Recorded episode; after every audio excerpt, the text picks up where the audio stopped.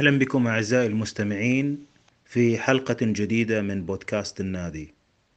اليوم لقاؤنا مع أستاذ لديه سجل حافل بالكتب والروايات والنشاطات وسيكون نصيب المستمعين من ذلك عمل مميز هو من دمشق إلى شيكاغو رحلة أبي خليل القباني إلى أمريكا في العام 1893 الأستاذ هو تيسير خلف سعداء بأن تكون ضيف حلقة اليوم معنا أهلا بكم آه، أخ فاضل وأشكرك أنك استضفتني وأتحت لي هذه الفرصة للتحدث مع جمهور البودكاست أهلا أستاذ أه لنبدأ أستاذ من أين أتت فكرة الكتاب؟ ما هو الباعث على التنقيب عن رحلة 1893 لأبي خليل القباني؟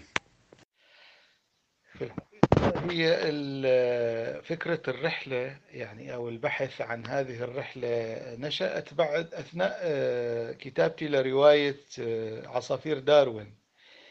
آه، رواية عصافير داروين بتحكي عن مرحلة 1893 ورحلة مجموعة من الفنانين والخيال العرب إلى شيكاغو للمشاركة في معرض. هذا جو الرواية لكن على هامش هذه الرواية لفت نظري كمية من الوثائق والمعلومات عن رحلة لا نكاد نعلم عنها شيء للفنان المسرحي الرائد أبو خليل القباني. فتركت الرواية على جنب فترة واشتغلت على موضوع هاي الرحلة وجمعت وثائقها ودرستها ثم عدت إلى الرواية مرة أخرى. إذا آه، فكرة اكتشاف الموضوع كان في حد ذاته رواية. هل كان من المتوقع يا أستاذ آه، تيسير أن تتوفر كل هذه الوثائق؟ أنا صراحة اندهشت جدا عندما ذهبت إلى آه، صور جوجل وبحثت عن الوثائق المعنية في هذا العام. وجدت عدد هائل جدا وبدقة عالية يعني. استغربت صراحة من توفر كمية الوثائق هذه في هذه السنوات المبكرة بالنسبة لنا. آه، نعم عن طريق الرواية يعني عن طريق شغلي على الرواية. فهي أصلا الرحلة آه، هي بحد ذاتها رواية يعني رواية فيها مقدمة و ووسط ونهاية مأساوية. آه، فرحلة أبو خليل القباني بحد ذاتها فيها كم هائل من الدراما من التفاصيل من المعلومات. بتجعلها أيضا تقارب في بنيتها و يعني بنية رواية. عجيب فعلا أمر اكتشاف رواية من خلال رواية. وربما كان لنا وقت آخر في الحديث عن عصافير داروين لكن الآن أمامنا هذا الكتاب الجميل يا أستاذ. آه، الفخم الذي طبعته المؤسسة العربية للدراسات والنشر وأخذت آه، عليه جائزة آه، ابن بطوطة لتحقيق المخطوطات في العام 2017-2018 طبعا نهنئك قبل البدء بالحديث عنه بصراحة تهنئة كبيرة. ونواصل الحديث وكلمنا عن عبارة صنعها وقدم لها تيسير خلف. صنعها أي أنه أي أن أبو خليل القباني لم يكتب هذه الرحلة ولم يكتبها أحد. أنا الذي كتبتها. أنا الذي كتبتها من خلال وثائقها منذ آه، لحظة التفكير بهذه بهذا المشروع إذا يعني جازت التسمية وحتى عودة أبو خليل القباني من شيكاغو. تتبعت آه، مسار هذه الرحلة وجمعت كل ما كتب عنها وكل ما استطعت أن أصل إليه من الصحف إلى آه، وثائق الوثائق العثمانية إلى وثائق الخارجية الأمريكية إلى المطبوعات التي آه، طبعتها الفرقة في أمريكا إلى الصور إلى ما كتب عنها في الصحافة الأمريكية وتغطية آه، الدراسات النقدية لهذه المشاركة المسرحية التي كانت تتكون من ثمان مسرحيات. يعني جمعت كل ما استطعت أن أجمعه آه، وخرجت بهذه النتيجة. لذلك قيل أنه صنعها تيسير. خلف نعم. جميل جدا يا أستاذ بصراحة. آه، لكن حدثنا عن آه، كيف حصلت على آه، قدرة على الدخول أو الوصول إلى هذه الوثائق؟ لأن هذا موضوع آه، دائما نعاني منه نحن كباحثين في الوصول إلى وثائق كهذه بهذه التفاصيل والمعلومات. بعض هذه الوثائق متوفر بشكل مجاني ولكن يحتاج إلى جهد مضني للبحث. آه، تخيل يعني أن تبحث في آه، مثلا آه، عشرين أو ثلاثين ألف قائمة أسماء ليست مدخلة بشكل أو بالأحرى جزء كبير منها مدخل وجزء يعني من سوء حظي أن الفترة التي تغطيها الرحلة مثلا غير مدخلة بشكل يتيح البحث. يعني مدخلة المعلومات بشكل صور. فوتو وليس بشكل data يعني سائلة. يعني لكنني عثرت على طريقة للبحث ووصلت إلى آه، اللائحة الاسمية لل للأسماء الفرقة التي دخلت إلى أمريكا. وهم آه، يعني 58 فنان. طبعا هناك وثائق أخرى بالنقود يعني لا تستطيع أن تحصل إليها عليها إلا بدفع مبالغ معينة. ليست مبالغ كبيرة ولكن يعني مبالغ. يعني الوثائق العثمانية آه، تحتاج إلى ترجمة من اللغة العثمانية آه، الصحف الأمريكية البريطانية تحتاج إلى اشتراك. آه، يعني ما لم أستطع أن أحصل عليه بشكل مباشر ومجاني. حصلت عليه عن طريق الاشتراك ببعض المواقع التي تقدم هذه الخدمات. طبعا التسجيلات الصوتية حصلت عليها من مكتبة الكونغرس الأمريكية ويعني لديها شروط خاصة وتعجيزية لكنني الحمد لله استطعت إني أتجاوزها وأقنعهم بأنني أعمل على بحث وخصوصا إنه هذه التسجيلات هي الأقدم على الإطلاق في تاريخ التسجيلات العربية. ربما يعني يسبقها تسجيل للقرآن الكريم في مكة. آه، لكن هذه الأغاني التي سجلت سجلتها الفرقة في أمريكا هي أقدم تسجيلات معروفة حتى الآن باللغة العربية. لذلك كما ترى الوثائق متنوعة وكثيرة وتتنوع يعني تتوزع ما بين الصوتية والمرئية والمكتوبة والمطبوعة وصور و يعني كانت رحلة شاقة وممتعة في نفس الوقت ومتعتها هي التي جعلتني أمضي في هذا الطريق الذي يمكن أن يكون طريق جنوني آه، بدون دعم مؤسسات يعني هكذا أبحاث عادة تدعمها مؤسسات بآلاف الدولارات وتشكل لذلك فرق من الباحثين في عدة دول. أنا طبعا من خلال علاقاتي وصداقاتي وحب الأصدقاء لهذا البحث ساعدوني. لا يعني لا أبالغ إذا قلت لكم أنني أدرت فريقا يعني متطوعا من القاهرة. إلى بيروت إلى أمريكا إلى يعني واشنطن إلى دمشق يعني فريق عمل بكل طاقة وأدرته لمدة عام كامل ونحن نبحث ونجمع عفوا نسيت أيضا إسطنبول. كله طبعا بسبب الولع بهذا النوع من الأبحاث ولأن الموضوع جديد وممتع وفيه اكتشاف.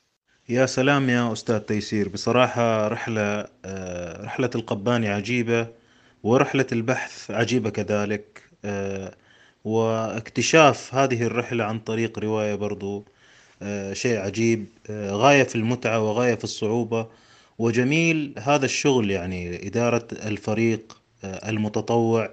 هذا شيء جميل جدا يبعث على الأمل ويبعث على الثقة الكبيرة في شباب اليوم وفي المشاركين وهذا نتيجة واضحة من نتائج العمل الجماعي عن بعد. أستاذ تيسير آه، ما الذي تمنيت أن تجده في هذه الوثائق ولم تجده بعد؟ آه، في الحقيقة تمنيت أن أجد تسجيل صوتي لأبي خليل القباني ولم أجد. والسبب أن التسجيلات تمت بعد سفره بحوالي أربع شهور. أو ثلاث شهور تقريبا لأنه هو أمضى شهرين من أصل ستة أشهر عمر المعرض وعاد بعد شهرين بينما التسجيلات حصلت في الشهر الأخير.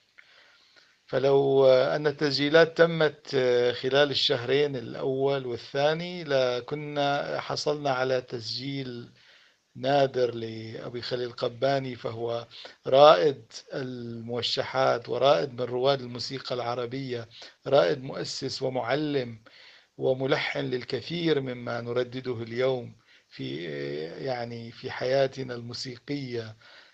كثير من الأغاني والموشحات هو مؤلفها فكانت فرصة كانت نادرة أن نستمع إليه لكن الظروف لم تسعفنا.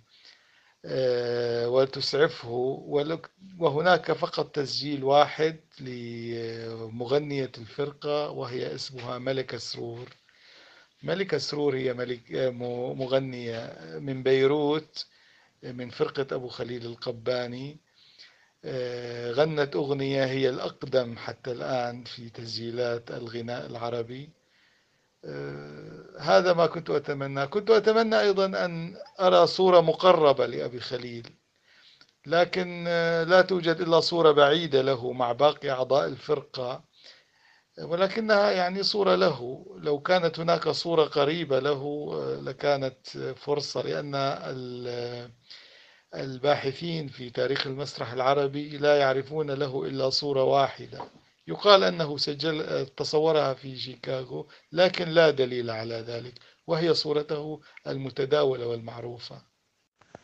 نعم أحسنت أستاذ. سيرة أبي خليل القباني سيرة محترمة وسيرة مليئة بقصص المسرح والذكاء والتلحين والتمثيل والحان الأدوار وكثير من الأغاني.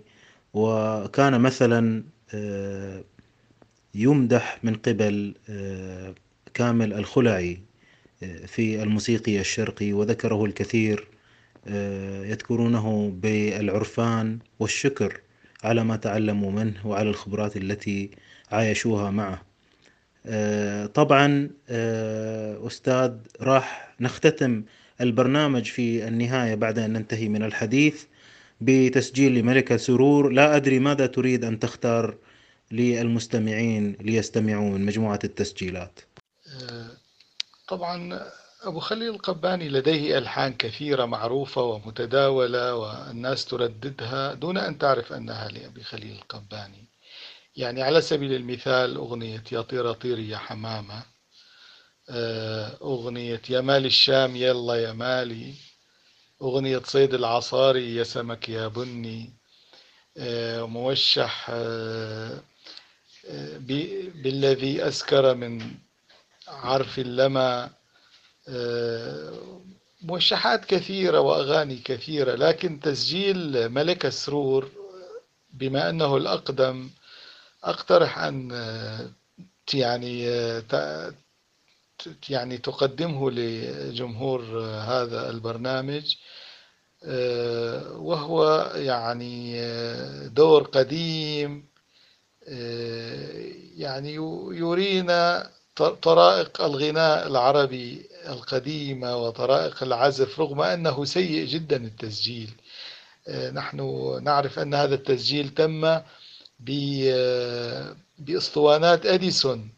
الأسطوانية القديمة جدا. ونحمد الله أن يعني أن أن المتحف بيبودي قد احتفظ بهذه التسجيلات. يعني هذا الذي أستطيع أن أقدمه للجمهور من هذه التسجيلات. هناك تسجيلات أخرى سيئة رديئة بعضها يعني غير مفهوم وبعضها مهشم. لكن هذا التسجيل هو الأفضل. طبعا أستاذ نحن نتحمل الضوضاء ونتحمل التهشم في سبيل الوصول إلى الذوق والخبرة والتجربة في تسجيل قديم مثل هذا النوع من عام 1893 يقدم لنا الصيغة وطريقة الغناء وطريقة الثقافة الموسيقية والغنائية في ذلك الوقت وهي صيغة إلى اليوم نعشقها آه، ونؤديها. آه، سيكون ذلك في نهاية الحلقة. أستاذنا آه، تيسير هل من الممكن أن تأخذنا الآن بلا أدنى تأخير على المستمعين في رحلة سريعة تلخص رحلة أبي خليل القباني منذ البداية حتى النهاية بحيث تعطي فكرة عن محتوى هذا الكتاب في صيغته كمادة آه، ثقافية ثم في صيغته كمادة شكلية. تفضل. أولا رحلة أبو خليل القباني بدأت بدأ الإعداد لها عام 1892 أواسط عام 1892 آه، في بيروت. يعني نحن قرأنا عن الإعدادات لهذه الرحلة في هذا في أواسط عام 1892 آه، استمر التدريبات يعني جمع الفريق الفني وجمع الأدوات والمعدات لأن المسرحيات كانت تحتاج إلى آه، عفش وديكور و وفنانين وفنانات وراقصين وممثلين وعازفين. يعني المهم وصل الفريق عدد الفريق إلى 58 آه، شخص. كان ينبغي تدريبهم لمدة آه، تقريبا آه، عام لكي يتأهلوا لهذا لهذه التجربة العظيمة يعني التي تنقلهم إلى العالمية يعني. في ذلك الوقت كان معرض شيكاغو يستقبل آه، فرق فنية وموسيقية ومسرحية من كافة أنحاء العالم في ذلك الوقت. فكان لابد من الإعداد الجيد لهذا الموضوع وهو ما فعله أبو خليل القباني باقتدار مع الفريق واستطاع أن يجد الحلول الفنية للكثير من الإشكاليات. آه، المشروحة طبعا داخل آه، النص الرحلة طبعا ركبوا سفينة آه، أبحرت بهم من بيروت إلى جنوة ومن جنوة ركبوا سفينة في في السفينة ويرا الألمانية و يعني مخرت بهم عباب البحر عن طريق جبل طارق إلى نيويورك يعني استمرت الرحلة تقريبا أسبوعين وصلوا خلالها إلى نيويورك ومن نيويورك آه، انطلقوا إلى شيكاغو وكان هناك فريق قد سبقهم إلى المعرض وبنى المسرح وأعد لهم كل اللوجستيات اللازمة آه، لعملهم. وعندما وصلوا كان المسرح قد أنجز وفق المخطط الموضوع له والذي وضعه أبو خليل كما هو واضح لأنه اتخذ شكل خان خان أسعد باشا العظم وجعله خلفية لهذا المسرح. وهناك مد أيام أنجزوا مجموعة من البروفات وطبعوا المنشورات كلها المتعلقة آه، بالعروض آه، باللغة الإنجليزية. وبدأت العروض آه، تقريبا كل يوم من الصباح إلى المساء وكانت دائما الصالة مليئة كانت تتسع تقريبا هي. يفترض أن تتسع لألف لكنها تتسع لألفين كما أشاد الصحفيون الأمريكان. وكان هناك تفاعل غريب وعجيب معهم وكتبت الصحافة عنهم آه، الكثير.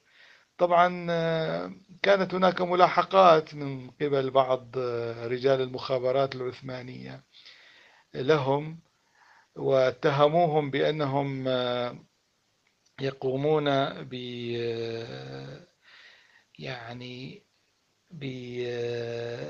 بالإساءة للعرب والمسلمين وحصلت تحقيقات هناك والوثائق العثمانية تمتلئ بهذه التحقيقات ونتائجها. وهو السبب الذي اضطر أبو خليل لأن ينسحب مبكرا وأن يتخلى عن الستة شهور ويكتفي بشهرين ويعود إلى لندن ثم إلى باريس ثم إلى دمشق. حين عادوا بعد ستة شهور يبدو أن السلطات العثمانية اعتقلت المدير الإداري للفرقة وهو اسمه بطرس أنطونيوس وحققت معه ما نسب للفرقة من إساءة للعرب والمسلمين. ولكن آه، هذه محض محض تقارير كيدية لأن التق... يعني الضباط العثمانيين والموظفين العثمانيين الذين كانوا مع الفرقة أو مع البعثة العثمانية الضخمة آه، كذبوا كل هذا الكلام وقالوا إن ما عرض هو لا يخرج عن الآداب ولا عن الأعراف ولا عن الذوق المعروف. أحسنت يا أستاذ تيسير. آه هذا الوصف آه المختصر آه ينقل الكثير من جماليات الكتاب بصراحة. والكتاب هو آه في حجم آه جميل جدا. آه لا أعرف المسمى التقني ربما يفيدنا الأستاذ تيسير. مكون من 245 آه، صفحة مليء بمادة ممتازة. لا أجد الكثير من الثرثرة أو لا أجد فيه ثرثرة بصراحة. كل ما هو مكتوب مختار بعناية. هناك استهلال وتمهيد ومدخل ثم نأتي بعد ذلك إلى آه، وصف المسرح والقرية ونصل بعد ذلك إلى آه، حتى مقاعد آه، المرتحلين في السفينة والأسماء والوثائق والصور ونصل بعد ذلك إلى نهاية الكتاب إلى فهرس الأعلام والأسماء والأماكن ثم المراجع العربية والمراجع الأجنبية. ومسرد آه، يصل بنا آه، بالأسماء إلى مواطن ذكر الأمور في الكتاب أستاذ تيسير إذا ما هو سبب الجدل في كون رحلة القباني حدثت أم لم تحدث؟ هل هو قلة الوثائق في آه، ما كتب عن هذه الرحلة في مثلا عشرينات أو ثلاثينات القرن الماضي أم الخوف أم التستر أم الإهمال ما هو السبب؟ آه، أنا أظن أن أبو خليل القباني نفسه قد تكتم على موضوع هذه الرحلة فهو لم يذكر آه، لأحد أنه قام بها على ما يبدو أو أنه طلب أن لا يتكلموا بها لأن آه، يعني الصوت الأمني كان قويا في عهد السلطان عبد الحميد ورجال الخفية الذين هم جهاز الاستخبارات السرية كانوا يقبضون على مفاصل الحياة ويعني فيبدو أنه تكتم على هذا الموضوع ولم يذكره. ولذلك الذين كتبوا عنه في حياته أو بعد موته مباشرة لم يذكروه.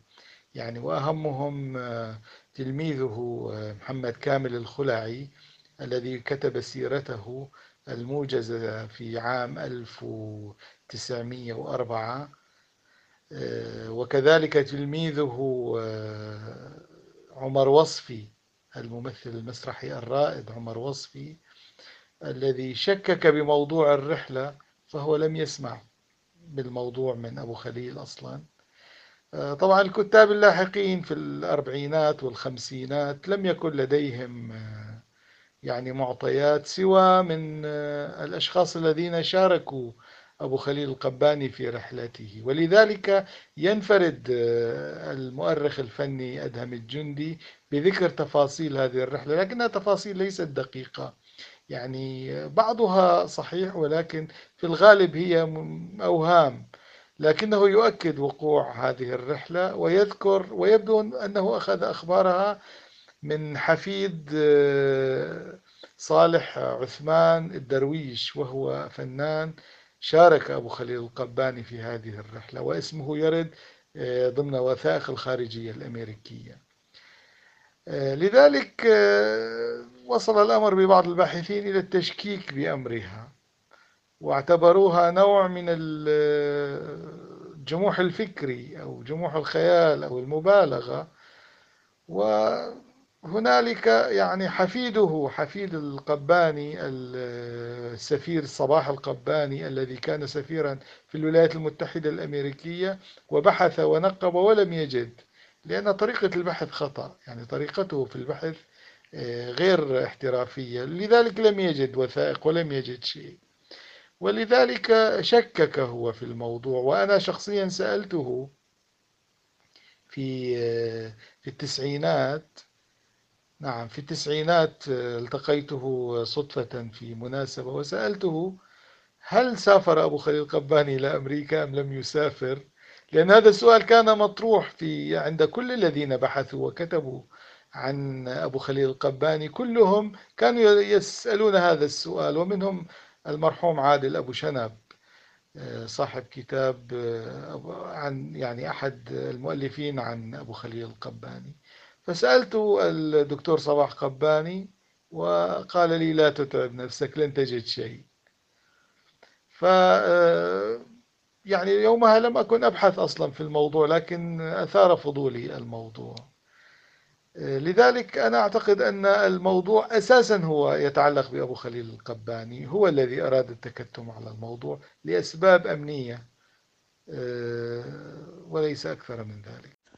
أحسنت أستاذ. لكن يعني تعرف الظروف تغيرت والدولة العثمانية ذهبت والرجل يعني كان في أكثر من بلد وخمسين فرد معاه في الفرقة من كل نوع. يعني هذا الشيء ظل مثلا أحاديث أناس وبعود عن التوثيق. لنتوقف عند مشكلة توفر المعلومة اليوم أستاذ تيسير. نقارن توفر الوثائق والأدلة على الرحلة. يعني اللي إحنا الآن قاعدين نتناقش عنها مع ما دأبت عليه الصحافة عندنا من الكتابة بلا مصادر والاعتماد على المقولات والشائعات وفي أسوأ الأحوال الاعتماد حتى على الجانب المغرض. يعني صعب جدا الآن نقارن ما لدينا من معلومات وأدلة ووثائق صوتية وصور وحتى تفاصيل. غريبة مقارنة بما كان يكتب في وقت مبكر من رحلة القباني. هذه مشكلة ليست يعني متعلقة بهذا الموضوع تحديدا ولكن مشكلة ضعف الدراسات ضعف البحث في هذه القضايا قديم. يعني الناس تستسهل هذه الأمور. الصحفيون يستسهلون الكتاب يستسهلون يبدأون بالإجتهاد والتخيل وتكريس أنفسهم ناطقين باسم التاريخ. هذه مشكلة حقيقية في في التاريخ وفي التأريخ للحقب حتى الحقب القريبة. يعني كمثال فاقع على هذا الموضوع مدحت باشا وعلاقته بأبي خليل القباني وهذا ليس موضوع بحثنا. ولكنني أقول بأن لأسباب إيديولوجية وسياسية قام اليسار العربي خلال فترة الخمسينات والستينات بتحويل مدحت باشا إلى داعية يعني للديمقراطية والتحديث ووصل الأمر ببعضهم إلى جعله قريب للنبي. يعني مع أن الوثائق التي طلعت عليها في فترات لاحقة يعني في الفترة الماضية اطلعت على وثائق كثيرة تتعلق بمدحت باشا وتلك المرحلة. كان رجل سياسي وبراغماتي ولديه علاقات ولم يكن بهذه الصورة المثالية الشديدة التي قدمتها لنا النخبة اليسارية العربية خلال فترة الستينات السبعينات.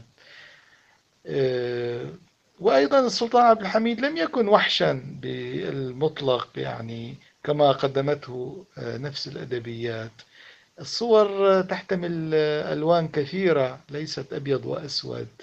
يعني السلطان عبد الحميد كانت لديه هواجس أخطأ في الوسيلة كان محاطا بالأعداء كان الغرب يتربص به كان يستعد لتقاسم تركته وهو حي.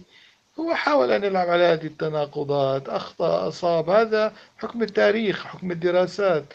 لكن طريقة التحليل القديمة الإيديولوجية المرتبطة بمرحلة سياسية معينة هي التي يعني غم غيمت على الحقيقة وهي التي حولت الأمور إلى أخيار وأشرار و يعني لذلك أنا أقول بأن عهد الدراسات البحثية الجادة التي تعتمد على مناهج بحث تعتمد على طريقة بحث آه، جدية آه، تعتمد الوثيقة تعتمد الوثيقة الحية آه، وتحليلها يعني يجب أن يبدأ في العالم العربي بدل الاعتماد على الروايات الشفهية والخيالات والأوهام.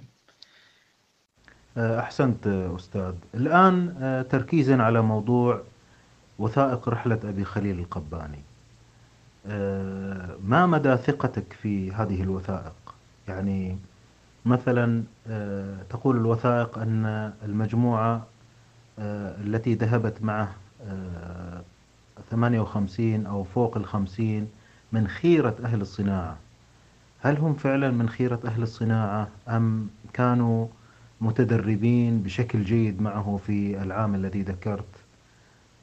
مثلا نأتي إلى حتى اسم أبي خليل يعني أحمد ولا محمد أبو خليل أو أقبيق. إلى آخر هذه المشكلات. حدثنا عن بعض هذه الملاحظات التي كانت بين يديك. آه، طبعا آه، هذا خبر صحفي الذي ذكرته حول يعني الصناعة وخبر وأنهم أقدر من في هذه الصناعة. لكن لدينا مقالات صحفية أمريكية طبعا بعض المقالات آه، انتقدت الفن الشرقي عموما لأسباب عنصرية أو لأسباب تتعلق بالذائقة الغربية نفسها والفهم الغربي لفكرة المسرح لكن هناك مقالات أخرى كثيرة امتدحت وتحدثت عن الاحترافية العالية لهؤلاء الممثلين والفنانين.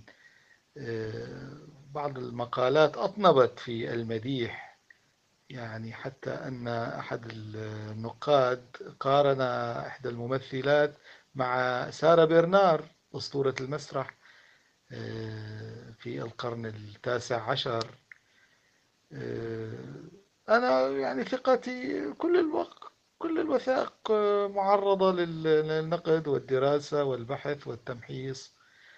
آه، لكن هناك وثائق لا مجال لنقدها بمعنى أن اللوائح الإسمية المت... التي أصدرتها الخارجية الأمريكية للفريق ودخوله وأعمار الفنانين والفنانات ومعلومات جوازات سفرهم هذه وثائق لا يعني لا تنقد.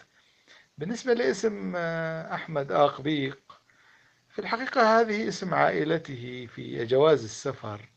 حتى الآن اسم العائلة آقبيق وهي تسمية باللغة التركية تعني الشارب الأبيض. يعني هي كناية عن جده يبدو أنه كان شخص مهيب جدا. لذلك اسمه آه، صاحب الشارب الأبيض الشيبة بالعربي نقول. آه، أما أبو خليل القباني فهو الاسم الذي اختاره هو لنفسه والذي آه، كان يعتز به. والذي كان يكتبه. فمن السهل أن نجد المقارنة بين الاسمين حين نراجع بعض الوثائق الأخرى المتعلقة بالوثائق المحاكم الشرعية في دمشق شجرة العائلة الرسمية الصادرة عن آل أقبيق أقربائه الذين يتكنون بهذه الكنية يعني هناك وسائل كثيرة للتحقق من هذه الأمور ولكنها تحتاج لذهن آه، متفتح يعني وملم بكافة آه، أركان هذه الواقعة. ممتاز أستاذ تيسير. آه، لنتوقف قليلا عند فكرة المنطق والخيالات. عند باحث رسالة الماجستير الذي انتهى إلى قصة اختلاق الرحلة بسبب آه، أن عدد المشاركين كبير وبسبب حاجز اللغة إلى آخره. يعني آه، إذا ممكن تسليط الضوء على الدراسات الأكاديمية أو الدراسات الرسمية آه، التي تتكئ على منطق وعلى طرح أسئلة وفي النهاية الوصول إلى نتائج وربما وضع أسئلة للوصول إلى نتائج محددة في نهاية الرسالة.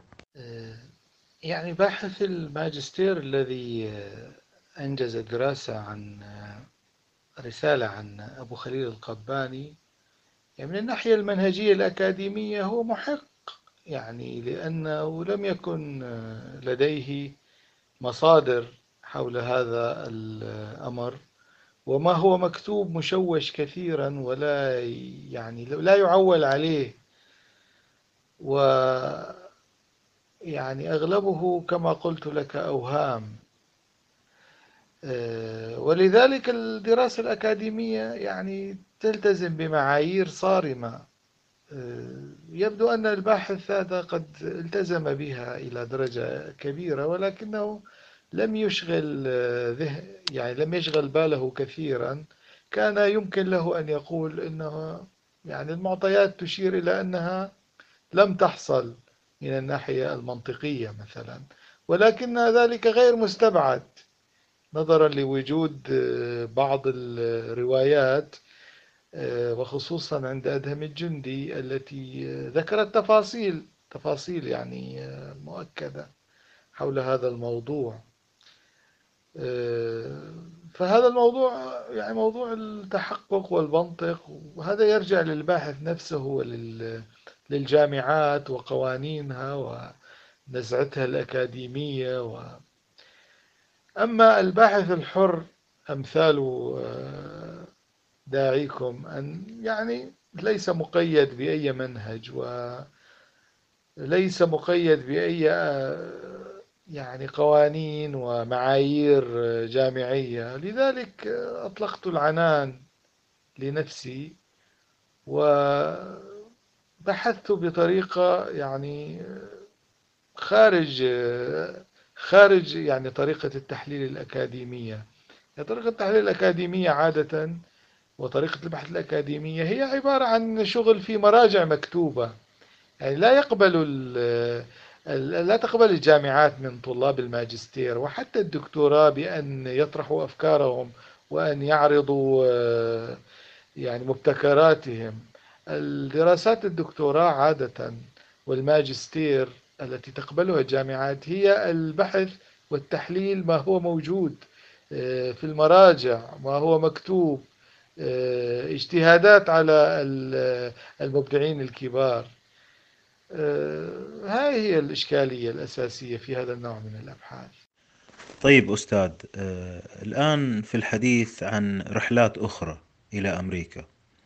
هناك مثلا رحلة الشريف محي الدين حيدر في نهاية العشرينات وأكثر من رحلة لسامي الشوى إلى أمريكا وإلى غير ذلك من بلدان. ورحلات آخرين آه، مطربين موسيقيين آه، لم نجد لها وثائق بهذه الكثرة والوفرة وربما الدقة في بعض الأحيان ولا حتى تسجيل. أحيانا لا نجد حتى تسجيل فيديو لشخصية عاشت وسط الأفلام وساهمت فيها آه، وشاركت فيها يعني كيف تجد من خلال تجربة البحث في الرحلة المبكرة هذه مع توفر المصادر الأخرى أم هذه حالة خاصة بكونها في بلد مثل أمريكا؟ أظن أنها حالة خاصة نظرا لخصوصية المعرض نفسه المعرض أقيم بمناسبة 400 عام على اكتشاف أمريكا كانت الولايات المتحدة الأمريكية تعول عليه كثيرا للنهوض من جديد بعد أزمتها الاقتصادية حشدت له كثيرا. والسلطنة العثمانية أيضا السلطان عبد الحميد كان لديه رغبة بأن يظهر بمظهر الدولة العظمى الدولة التي تشارك في معارض دولية لذلك توفرت مجموعة من الظروف الخاصة التي ساعدت على آه، يعني وجود هذا الكم من الوثائق آه، فيما يتعلق برحلة أبي خليل القباني. آه، لا أظن أن الرحلات الأخرى يعني توفرت لها هذه الظروف. أذكر أن المسرحي المصري نجيب الريحاني تحدث عن رحلة مسرحية قام بها إلى أمريكا الجنوبية ولكننا لا نملك شيء عن هذه الرحلة سوى ما رواه هو وما روته شركته بديعة مصابني عنها. وربما بعض الأخبار ونتف الأخبار والإعلانات في صحف يعني الأرجنتين أو البرازيل أو كذا. ليس أكثر من ذلك. أما هذه الرحلة فلو كان هناك سينما لصورت. يعني لو كانت السينما مكتشفة مكتشفة في ذلك الوقت لشهدنا تصوير لهذه العروض. آه، وقد حصل ذلك يعني بعد سنوات قليلة. يعني بعد سنوات قليلة من هذه الرحلة بعد عامين أو ثلاثة أعوام آه، بعد معرض شيكاغو أغرم الجمهور الأمريكي آه، بالفرق الشرقية والعربية وبالرقص العربي والشرقي. فبدأ يستدعي آه، ويتعاقد المتعاقدون مع الفنانات والراقصات والراقصين والفنانين. يعني بنهاية القرن التاسع عشر كانت أمريكا تعج بالفرق الشرقية يعني بعد معرض شيكاغو. لدينا الكثير من الوثائق حول هذا ومنها وثائق مصورة سينمائية. تخيل أنه هنالك لقطات لرقص شرقي ودبكة و يعني من الشرق ومن البلاد الشام تحديدا وربما من مصر لبعض الرقصات مسجلة سينمائيا بالسينماتوغراف الخاص بأديسون. يعني هكذا كانت هوس بالشرق وولع بالشرق بعد معرض شيكاغو. والسبب الرئيسي هو الفرق التي شاركت وعلى رأسها فرقة أبو خليل القباني. ممتاز أستاذ تيسير. الآن السؤال لماذا تدعو الدولة العثمانية جالية عربية للمشاركة؟ يعني أين بقية وجوه السلطنة من الإثنيات؟ لماذا بالتحديد أبو خليل القباني؟ آه، أولا يجب أن نعرف بأن السلطنة العثمانية في ذلك الوقت يعني أيام السلطان عبد الحميد وما قبل السلطان عبد الحميد لم تكن تفرق بين رعاياها العرب والترك والكرد وباقي الشعوب. آه، الكل كانوا سواسية أمام آه، خضوعهم للسلطان. آه، أما آه، لماذا اختارت أو لماذا كانت المشاركة العربية بشكل أساسي؟ ليس في عرض أبو خليل وإنما في عروض كثيرة أخرى. هناك عروض أخرى كثيرة منها عرض الخيول العربية وهو فريق كبير كان يتكون من 120 خيالا وفنانا. وكان هناك آه، مصريين ويعني القرية المصرية شاركت بمفر يعني صحيح أنها كانت تابعة بشكل من الأشكال للسلطنة العثمانية لكنها شاركت باسم مصر آه، وهي من أنجح وأجمل المشاركات كانت. أما لماذا اختاروا العرب؟ آه، لا شك في أن بلاد الشام عموما كانت تشهد نهضة آه، ثقافية وفنية هائلة. تتجاوز الولايات العثمانية الأخرى. آه، هذه النهضة الفنية والثقافية لها أسباب عديدة وأهمها آه، ارتفاع مستوى التعليم ارتفاع مستوى الدخل ولذلك كانت يعني كانت العروض الفنية تقريبا كلها من هذه المنطقة. خصوصا إذا علمنا أن أول مسرح في السلطنة العثمانية هو مسرح مارون نقاش في بيروت في عام 1847 وهو سابق على أي مسرح في السلطنة العثمانية. أول مسرح باللغة التركية كان 1869 يعني بعد مارون النقاش بسنوات. آه، وهو مسرح عادي يعني لم يكن متميزا. مسرح أبو خليل القباني بدأ في عام 1800 و72 بشكل رسمي. يعني في 1873 بنى مسرح أبو خليل القباني. آه، في دمشق 1882 أو 83 هناك مسرح الاتحاد مسرح مبني على أحدث طراز كان. آه، في بيروت كان هنالك مجموعة من الفرق المسرحية التي تعمل في مسارح آه، أهمها مسرح زهرة سوريا آه، يعني النهضة الفنية كانت شاملة في بلاد الشام وكانت الفرق تجوب المناطق والنهضة المسرحية أصلا في مصر هي شامية يعني أوائل من أنشأوا الفن المسرحي آه، هم من بلاد الشام. يعني بدءا من فرقة سليم النقاش إلى فرقة آه، الخياط إلى فرقة القرداحي ثم أبو خليل القباني. أبو خليل القباني سافر إلى مصر وعمل 19 سنة. يعني آه، بلاد الشام كانت متقدمة في هذه الأمور على جميع الولايات العثمانية الأخرى ولذلك آه، وقع الاختيار عليها لتحمل هذا العبء ويعني نفذت ما هو مطلوب منها بشكل يدعو للفخر. سلمت أستاذ تيسير هل من الممكن إعطاء صورة عن النشاط المصاحب لفرقة القباني من الدراسات الإثنوميوسيقية والنقد مع أو ضد ما عرض وقتها في الصحافة والإعلام. من خلال المعطيات المتوفرة لدينا يبدو أن هذا الموضوع حصل في المعارض الإكسبو العالمية السابقة في لندن وباريس بشكل خاص. عام 1889 نعم معرض باريس 1889 الذي شهد آه، افتتاح برج إيفل.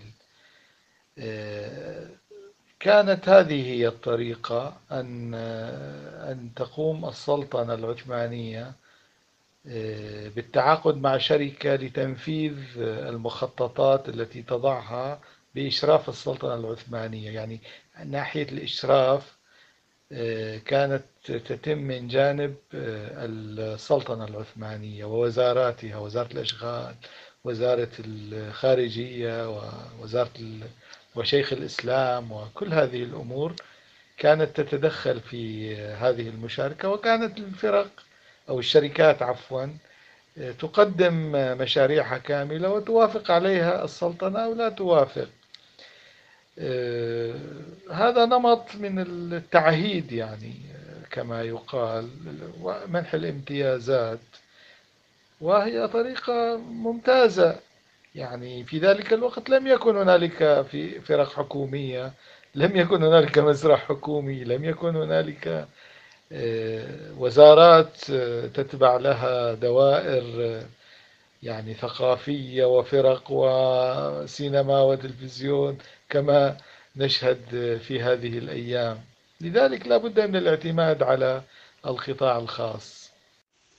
أحسنت أستاذ تيسير. الآن سؤال كم عدد التسجيلات الصوتية والموسيقية التي ظهرت لك خلال رحلة البحث؟ يعني من أمثال تسجيلات ملكة سرور مثلا كم عدد التسجيلات الصوتية؟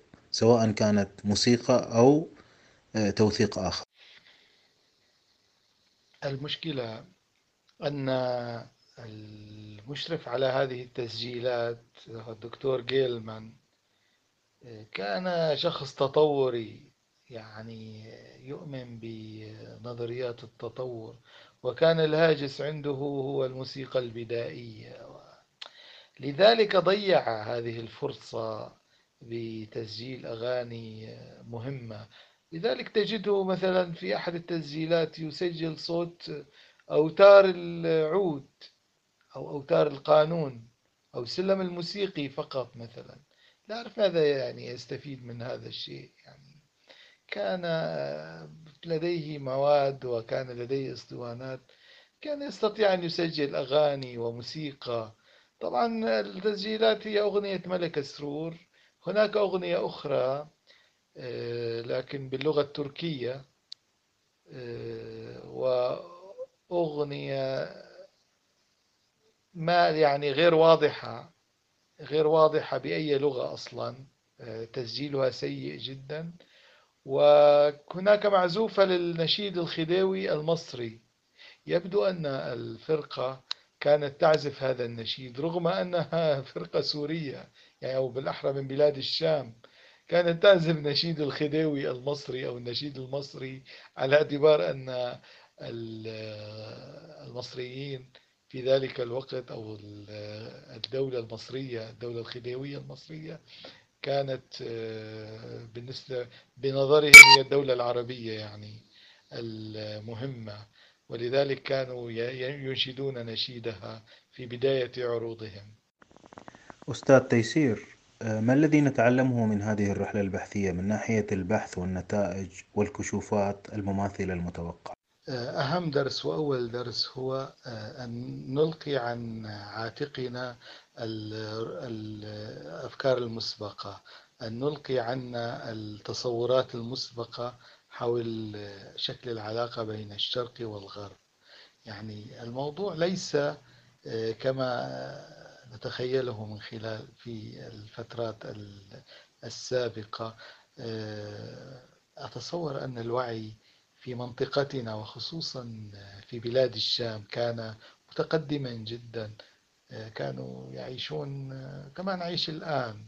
يعني بنوك حوالات يعني طريقة طريقة التحويل التي قرأت عنها البنكية وإرسال النقود واستلامها إرسال البرقيات التواصل الحاجز في السفن. الحياة آه، فعلا كانت متقدمة عن الفكرة التي نتخيلها. يعني نتخيل أنهم كانوا يعيشون في مجاهل في ظلام في لا لا لا لا لا, لا. آه، إنهم معاصرون تماما مثلنا. يعني اختلفت آه، يعني وسائل الراحة والتقنيات الآن أكثر. لكن لقد طرقت الحداثة أبوابها في منطقة المشرق العربي منذ وقت مبكر. هذا آه، من أهم الدروس التي تعلمتها آه، من خلال هذه الرحلة. فعلا أستاذ. آه، أستاذ ما مشاريعك الأخرى والقادمة منها التي تعدنا بها من كتب مميزة وأبحاث ونشاطات؟ يعني إذا ممكن تشارك والله أنا حاليا في فترة استرخاء لأنني فعلا السنة الماضية عملت بطريقة انتحارية إنجازة التسمية. يعني وصلت بي الأمور أنني على مدى مثلا آه، أربع أو خمسة أيام أنني شاهدت مثلا خمسة آلاف آه، عدد من جريدة. تصفحت مثلا خمسة آلاف عدد من إحدى الصحف بخلال خمسة أيام. هذا أتعبني أتعبني جدا وحتى أنه قلل من إحدى عيني آه، فقدت نصف درجة خلال هذه الفترة. آه، لذلك أنا الآن في مرحلة استرخاء استرخاء وأفكر في أشياء قادمة ولكنني حاليا لا, لا يوجد شيء. ربما أكتب عن عن هنا كوراني التي شاركت أيضا في مؤتمر المرأة العالمي الأول في شيكاغو في هذا المعرض وتجمعت وثائقها عندي. قد أكتب عنها يعني قد أكتب عن الفرق عن المشاركة العربية بشكل عام الفرق الأخرى الجزائر تونس مصر المغرب طبعا سوريا والجزيرة العربية التي تمثلت مشاركتها في الخيول العربية. يعني قد أكتب عن هذه الأشياء ولكن حتى الآن لا يوجد شيء في ذهني مجرد هواجس. أحسنت يا أستاذ ويعطيك الصحة والله جهد مميز دائما. ومن حقك الراحة والاسترخاء طبعا. طيب قبل ما نترك يا أستاذ يعني هل تدل المستمعين على طريقة للوصول لأعمالك ونشاطك أو صفحتك في الإنترنت؟ والله أنا لا أعرف كيف لكن لدي صفحة فيسبوك باسم تيسير خلف أكتب فيها بعض الأشياء. التي تتعلق بالتاريخ والآثار القديمة فهذا من صلب اهتماماتي وخصوصا آه، قراءة النقوش القديمة باللغات النبطية الفينيقية والتعليق عليها. يعني هذا أحد اهتماماتي التي أنشرها في صفحتي على الفيسبوك. أيضا لا أعرف هنالك أشياء ممكن من خلال البحث في جوجل ممكن أن يعثر أي شخص يريد أن يتتبع بعض نشاطاتي فقط يكتب اسم تيسير خلف فتخرج له نتائج مهمة. وأشكركم على هذا اللقاء وأتمنى لكم التقدم. وأنا آسف إن كنت قد أطلت على المستمعين أو أنني لم أكن يعني سلسا في الحديث. فهذه طبيعتي. أنا قليلا ما أظهر وقليلا ما أتكلم وهذه واحدة من المناسبات النادرة التي تكلمت فيها. أشكركم. نحن تشرفنا بك أستاذ تيسير خلف بجد حلقة ثرية جدا وفيها الكثير من الخبرة والتجربة والكثير من النقاش المفيد جدا للباحثين وللمهتمين بالموسيقى والوثائق وكثير من الأمور الأخرى. ألف شكر أستاذ تيسير خلف. الشكر لكم وأهلا بكم في أي مناسبة وفي أي وقت. قبل أن أترككم مع تسجيل ملك سرور من عهد الرحلة على أسطوانات أديسون أسألكم سؤال الحلقة وهو هل تطبيق النسبية والتطور كنظريتين على أحاديثنا وأبحاثنا في المجالات الأخرى؟ مثلا الاقتصاد علم الاجتماع علم النفس في الأعمال والإدارة إلى آخره هل هذا الأمر مقبول حسب المنهج العلمي؟ هل يمكن أن نلوم مثل هذين النظريتين مع فشلنا في فهم الظواهر والتعامل معها مثلا؟ كان معكم فاضل التركي والأستاذ تيسير خلف وألقاكم قريبا أعزائي المستمعين في بودكاست النادي شكرا لكم